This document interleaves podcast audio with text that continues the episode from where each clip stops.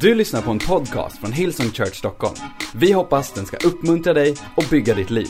För att få mer information om Hillsong och allt som händer i kyrkan, gå in på www.hillsong.se.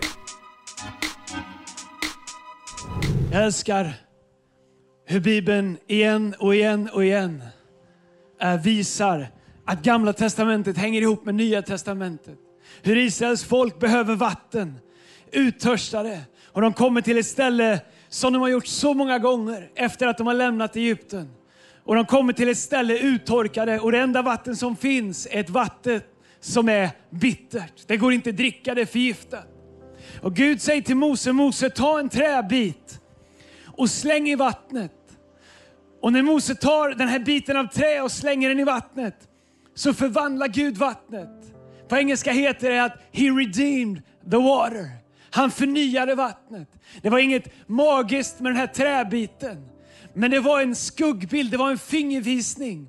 Tusentals år tidigare om en träbit som skulle förändra allting. Nämligen korset på Golgata.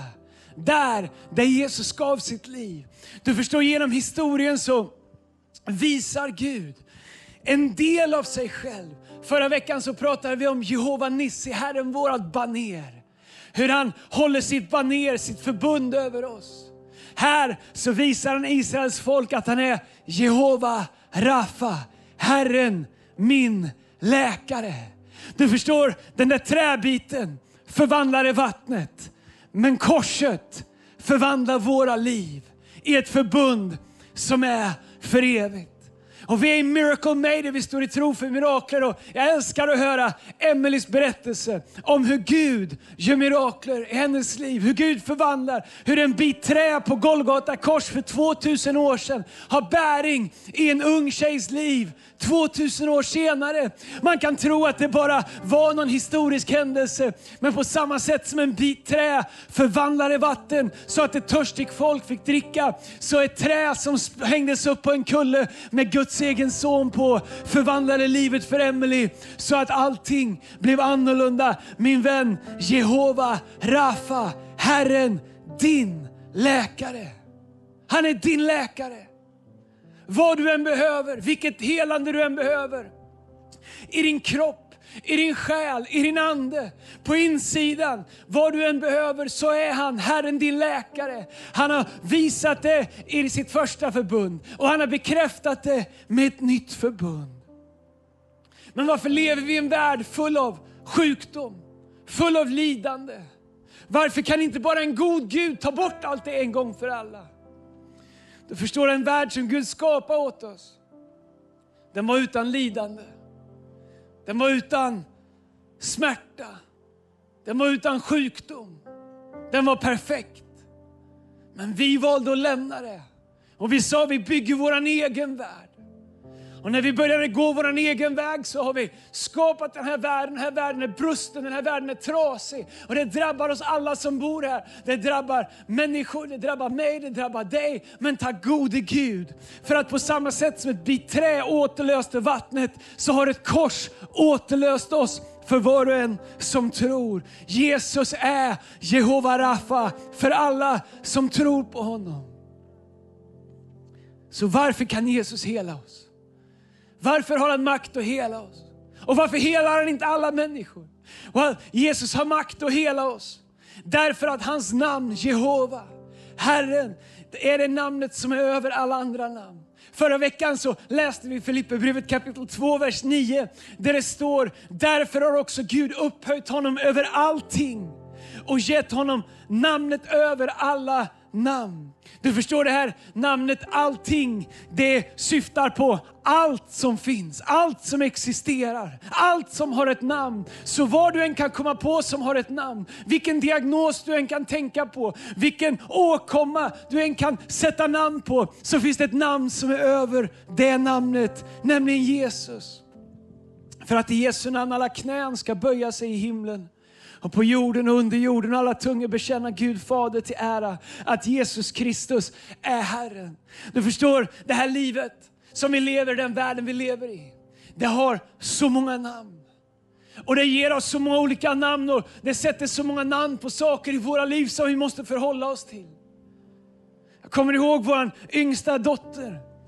Fem dagar gammal, född fyra veckor för tidigt. Den där dagen när de sa AV kommun, hon har ett hål i hjärtat och de sa hon har kanske down syndrom. Två namn som man inte vet vad man ska göra med. Det går inte att förbereda sig på det. Det går inte att öva sig på att reagera på att din dotter kanske har down syndrom, att hon har ett stort hål i hjärtat, att hon måste göra stora operationer. Och jag minns när vi samlade oss i det där rummet någon timme efter beskedet med vår dotter upp, upphakad till massa slangar och mätare och saturationsmätare och EKG och all, det gick tuber överallt och jag kunde bara höra det här namnet, AV kommuner, kanske down syndrom.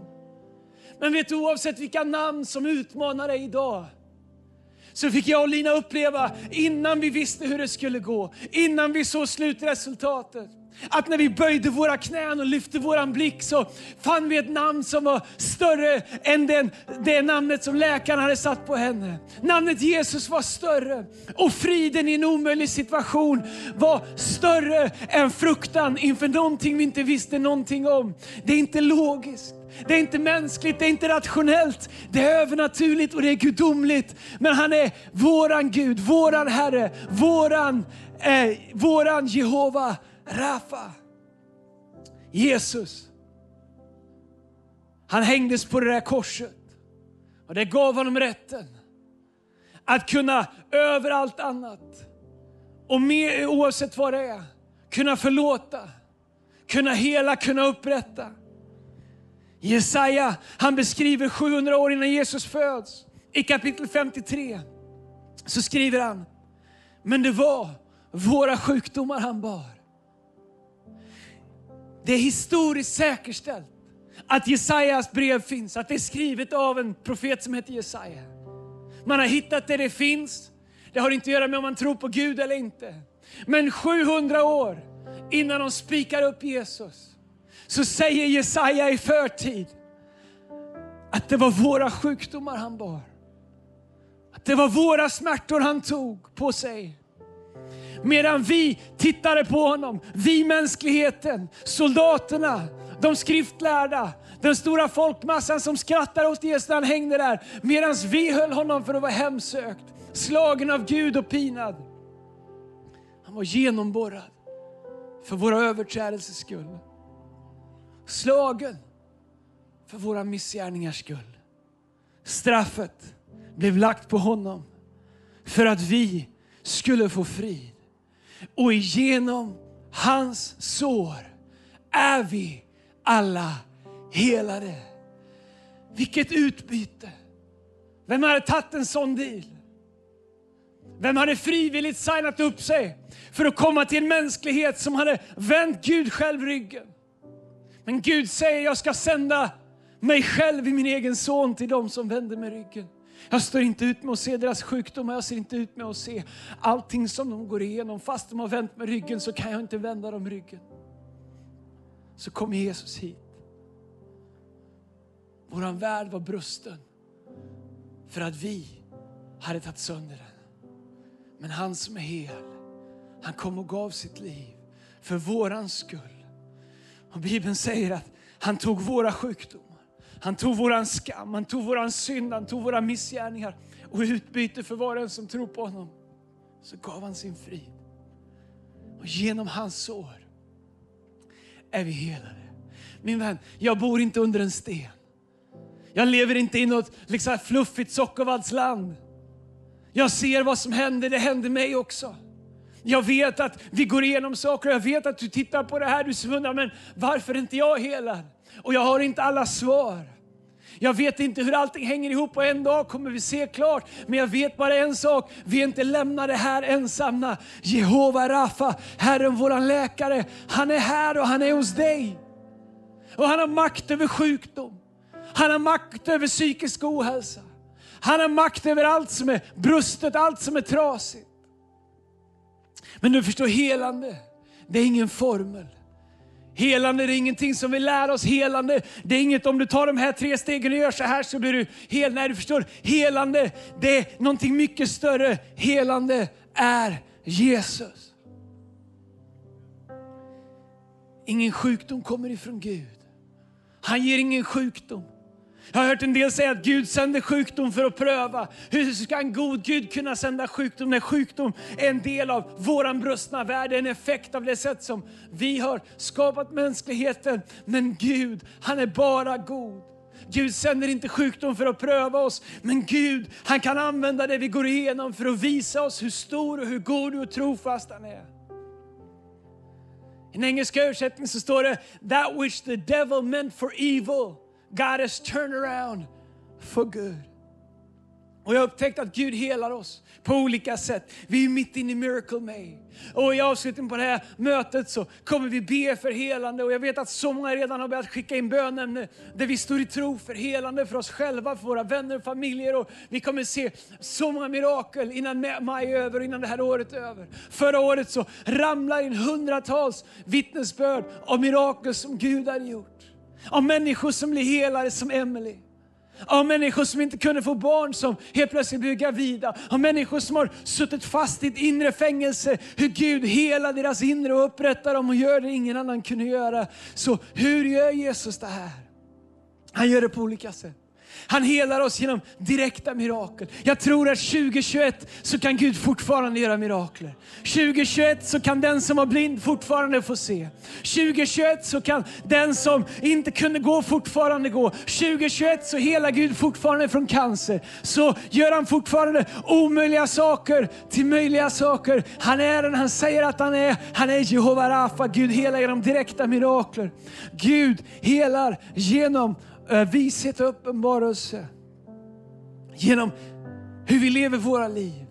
Genom välsignade läkare som Gud använder. Tack gode Gud för dem.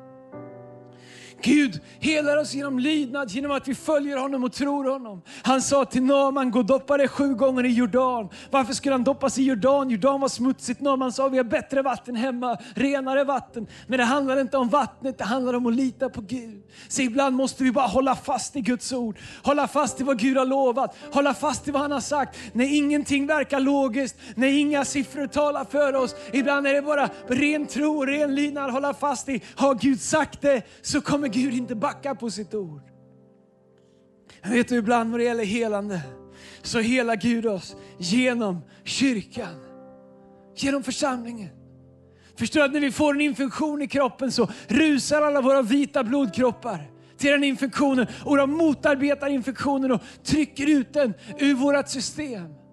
Du förstår en hälsosam gemenskap. Ibland när vi går igenom saker och ting så vill vi dra oss undan. Men du förstår, när du går igenom saker och ting, då är det inte dags att dra sig undan, då är det dags att dra sig närmare. Och fienden kommer ge dig alla anledningar till varför du inte ska vara med, varför du ska hålla dig i utkanten, hjälpa dig att se saker som inte är fullkomliga. Men du förstår, det finns en helande kraft i gemenskapen.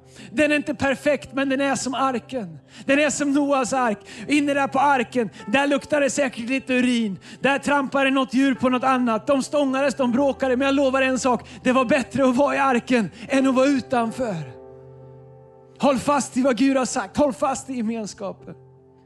Så vad gör man? När man väntar på sitt mirakel. Fäst din blick på Jesus. Thomas. Jag älskar Thomas. De kallar honom Thomas tvivlaren, men jag vet inte om han är värd det namnet. Han var inte där när Jesus hade uppstått och kom till lärjungarna. Han var inte där när Petrus fick se Jesus. Och när Jesus lämnade och Thomas kom sa Petrus eller annan, Thomas du har missat att Jesus var här. Han lever, han är inte död, han är uppstånden. Thomas kunde inte tro på det. Han sa, jag kan inte tro om jag inte får ta på honom. Om jag inte får sticka mitt finger i hålet där spikarna satt. Om jag inte får känna på sidan som de sprättar upp för att tömma honom på vätska, då kan jag inte tro. När Jesus kommer tillbaka en andra gång och Thomas är där, så går Jesus till Thomas och säger, Thomas ta på mig. Känn på mig, det är jag. Då säger inte Thomas, okej, okay, nu har jag fått sakliga bevis. Nu kan jag tänka mig att lita på det. När Thomas faller ner på sina knän och han säger, min Herre och min Gud. Vad var det som hände i Thomas liv? Jo, Thomas han skiftade fokus. Från att behöva förstå, från det han kunde kontrollera, det som han kunde ta på, så lyfte han sin blick och han sa, vet du, jag behöver inte dina händer längre. Jag behöver inte se din sida längre. Jag, jag vet att du är här. Och så sa han, du är min Herre och du är min Gud. Om du är, idag tittar på det här och du behöver ett mirakel, Kanske kan du inte fundera ut hur det ska gå till. Kanske har läkarna gjort allt de kan. Min vän, det finns någonting kvar. Han heter Jehova Rafa, Jesus Kristus, Herren din läkare. Om du lyfter din blick till honom, om du sätter ditt hopp till honom, då kan Gud göra det ingen annan kan göra.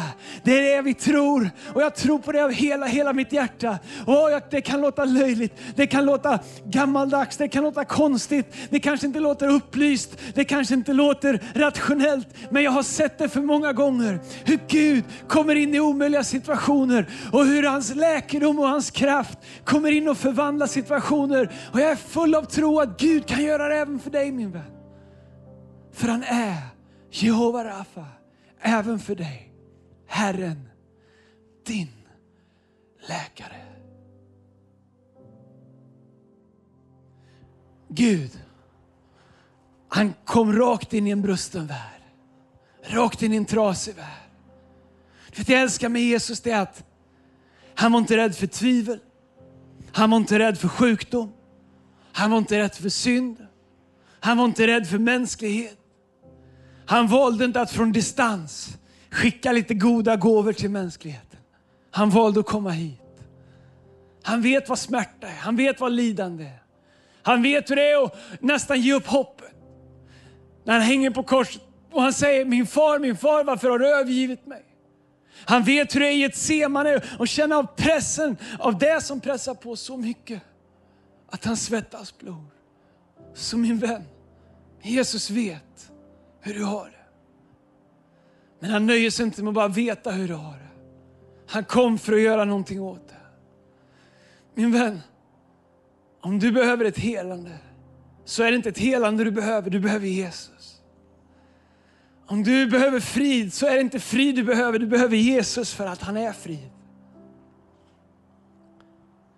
Och min vän, jag skulle så gärna vilja be en bön där du får chansen att lära känna Jehova Rafa, Herren din läkare. Där du får lära känna Jesus. Därför att när du får möta honom som Thomas fick möta honom, då kommer du se det Thomas fick se. Alla dina tvivel kommer successivt raderas ut. Och Gud kommer bli verklig för dig. Men han kommer aldrig bli det förrän du ger honom chansen i ditt liv. Det är inte svårt att lära känna Jesus. Det är inte svårt att ta emot honom. Det är inte svårt att få en egen relation med honom. Du måste inte fixa dig, förställa dig. Du måste inte göra någonting mer än att säga Jesus, kom in i mitt liv. Jag vill lära känna dig. Vart du än är, vem du än är. Hur mycket eller lite du än vet om Gud. Så här idag kan du lära känna Jesus. Du har lyssnat till en podcast från Hillsong Church Stockholm. Om du vill veta mer om vår kyrka eller om våra söndagsmöten, surfa in på www.hillsong.se.